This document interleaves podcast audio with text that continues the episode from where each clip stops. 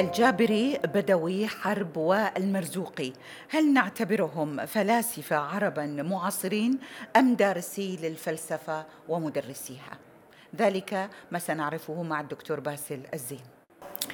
دكتور الأغلبية من العرب والمسلمين ممن يشتغلون بالفلسفة يصبون معظم جهودهم في آه، دراسة الفلسفة الغربية. هل هذا نوع من أنواع من باب التولع بالغالب؟ آه، يعني على المغلوب كمصطلح خلدوني إذا صح التعبير لهم هوس بالفلسفة الغربية. اسمح لي أن أسترسل قليلا في الإجابة فضل. عن هذه النقطة. اولا الفلسفة التي تنظر أو من يريد أن يعمل في الفلسفة وينطلق من فكرة الغالب والمغلوب من الأفضل الا يدخل مجال الفلسفة. الفلسفة بتعريفها تسعى إلى تجاوز كل هذه الانقسامات لأن الفلسفة تروم خير الإنسانية جمعاء. وبالتالي الفلسفة مبحث إنساني. هل هناك بعض الفلاسفة الذين تميزوا بالعنصرية وإلى آخره؟ نعم لكل شيء استثناءات. هنا وهناك لكن الفلسفة مبحث كوني. هذا أمر. أمر آخر أخالفك الرأي قليلا.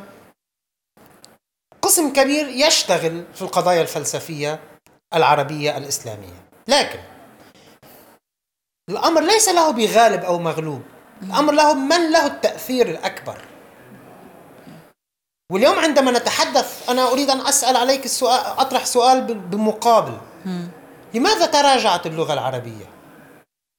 لأنه عندما تحدثت قبل قليل وقلت أن الفيلسوف الوحيد الممكن الآن هو المترجم ليس من أجل شيء بل من أجل الفلسفة العربية نفسها. لأنه فيما سبق الترجمات العربية هي التي سمحت لنا بأن نشتق مصطلحات جديدة في العالم العربي. واللغة العربية مطواعة. وحضرتك شاعرة وأديبة كبيرة وتعرفين هذا الأمر. اليوم اذكري لي إنجازا حضاريا علميا واحدا نطلق عليه اسم عربي في أصله. التلفزيون التلفاز التلفزيون الإنترنت الإنترنت معياء مثلا. أمر ليس له بغالب أو مغلوب. من يصنع حتى الحضارة يفرض اللغة. المعاجم تحديث المعاجم طبعا يعني طبعا. لم لم يتم تحديث معاجمنا منذ صحيح. سنوات. والفلسفة الغربية والاعتراف بالحق فضيلة م. واعتراف بالفضل الغربي في مجال الفلسفة فضيلة. والأمر لا يتوقف فقط على الغرب. هناك فلسفات ناشئة اليوم ندرسها. بالمناسبة أول توجه في العالم العربي تقوم به الآن بيت الفلسفة في معجم الفجيره الفلسفي. تناول الفلسفات المسكوت عنها. نعم لدى الغرب جميل. نزعة في الهيمنة والتسلط لا مختلف على ذلك لكن لنتفق لنتفق. أساسا من من المثير للفضول أن عدد من أن عددا من الفلاسفة العرب أو متفلسفين العرب يريدون أن ينتقدوا الغرب استنادا إلى المدارس الغربية نفسها. فيحاكم الآخر ويقول أريد أن أفكك خطابه. يا أخي مفهوم التفكيك ليس مفهوم لك. أريد أن أدرس بنية الخطاب المدرسة البنيوية ليست من عندياتك. إذا كنت تدرس حقلا وهذا الحقل هناك من يتفوق عليك فيه لا أين المشكلة؟ لنعترف أين المشكلة؟ نعم نحن أمام تطور علمي تقني أين المشكلة؟ دكتور ما يفضي كلامك به ومن خلال متابعتنا وقراءتنا نلاحظ أن هناك حرب إلغاء بين الفلاسفة التنويريين العرب المحافظين. صحيح. هل هناك من سبل تعايش بين المدرستين أو بين الفلسفتين لنقل التنويرية والمحافظة؟ للأسف ما زال الحوار في العالم العربي لم يرقى إلى مستوى شروط الحوار.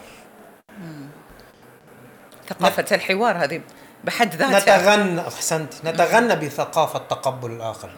لكن هل حقا نحن نتقبل التطبيق. الآخر؟ وبالمناسبة لكي أكون منصفا لمست هذا الأمر لدى فلاسفة الغرب.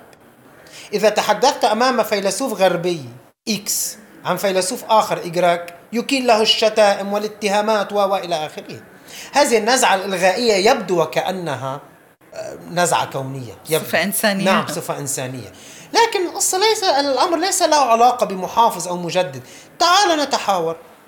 نضع نقاط الاختلاف جانبا ونبحث عن نقاط تلاق أهم نقاط طلاق يجب أن ننطلق منها بكل بساطة كيف نستطيع أن نطور عالمنا العربي؟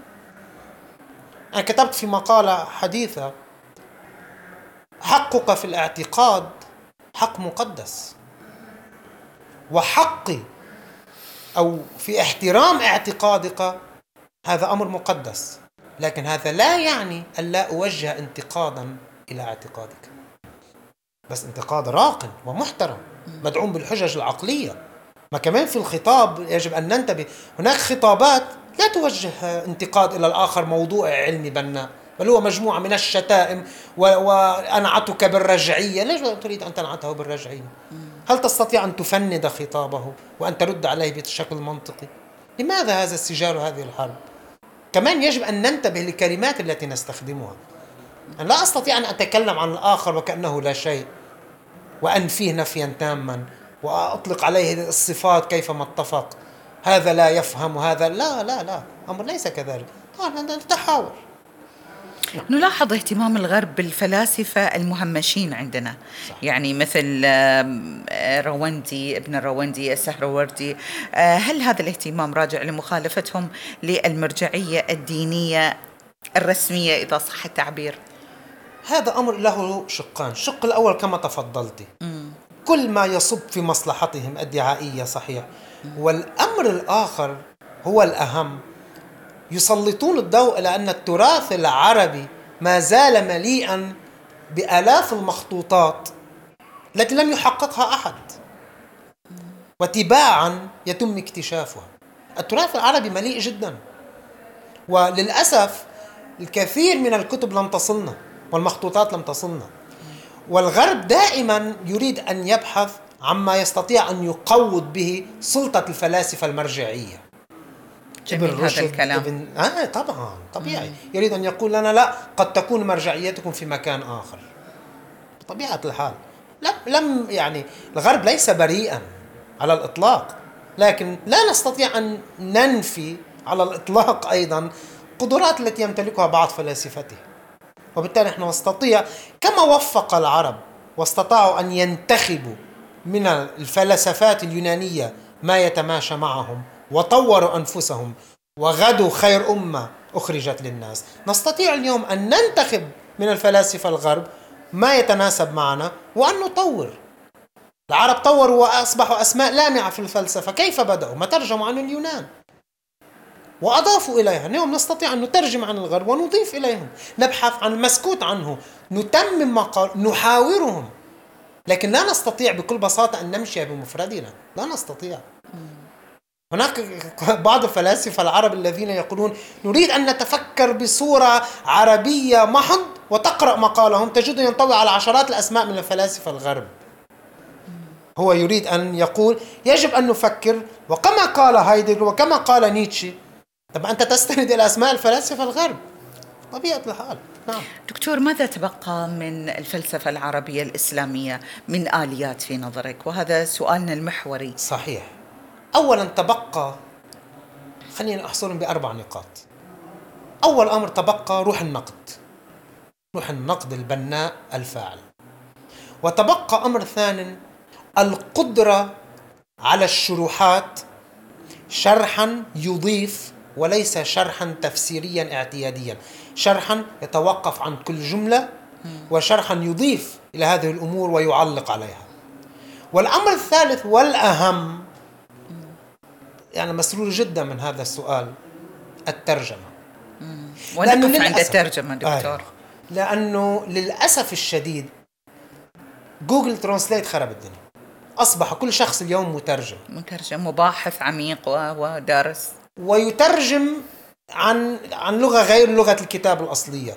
المترجمون العرب الأوائل تشهد لهم بالكفاءة. الكندي لم يكن يلم باللغة اللاتينية ولا اليونانية. كون حوله مجموعة من المترجمين الكبار وراجع لغويا وخرج إلى وخلص إلى نتائج. أضاف نتائج وخلاصات.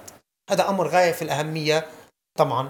وأخيرا كما قلت التوفيق أو القدرة على الموافقة بين مقتضيات مجتمعنا وما تتطلبه هذا المجتمع وما وصل إليه الغرب ومحاولة أن نضيف إليه لكن شرط أن نعترف أن هذه الآليات اكتسبناها من هناك.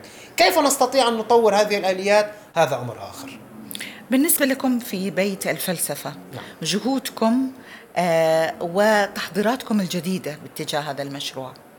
طبعا لا أبالغ إذا قلت أن بيت الفلسفة أراد أن ينسج مشروعا فلسفيا متكاملا. يبدأ من الطفل ويصل إلى نخبة الفلاسفة المتخصصين. حتى فيما يتعلق في مجال الطفل. فريق عمل بيت الفلسفة المتخصص بالطفل حاز على اعتماد منهجية بي 4 سي من بريطانيا. لكنه عهد إلي بترجمة كتب الفرنسية. لكي لا يكتفي بالبرنامج البريطاني بل أيضا بالفرنسي.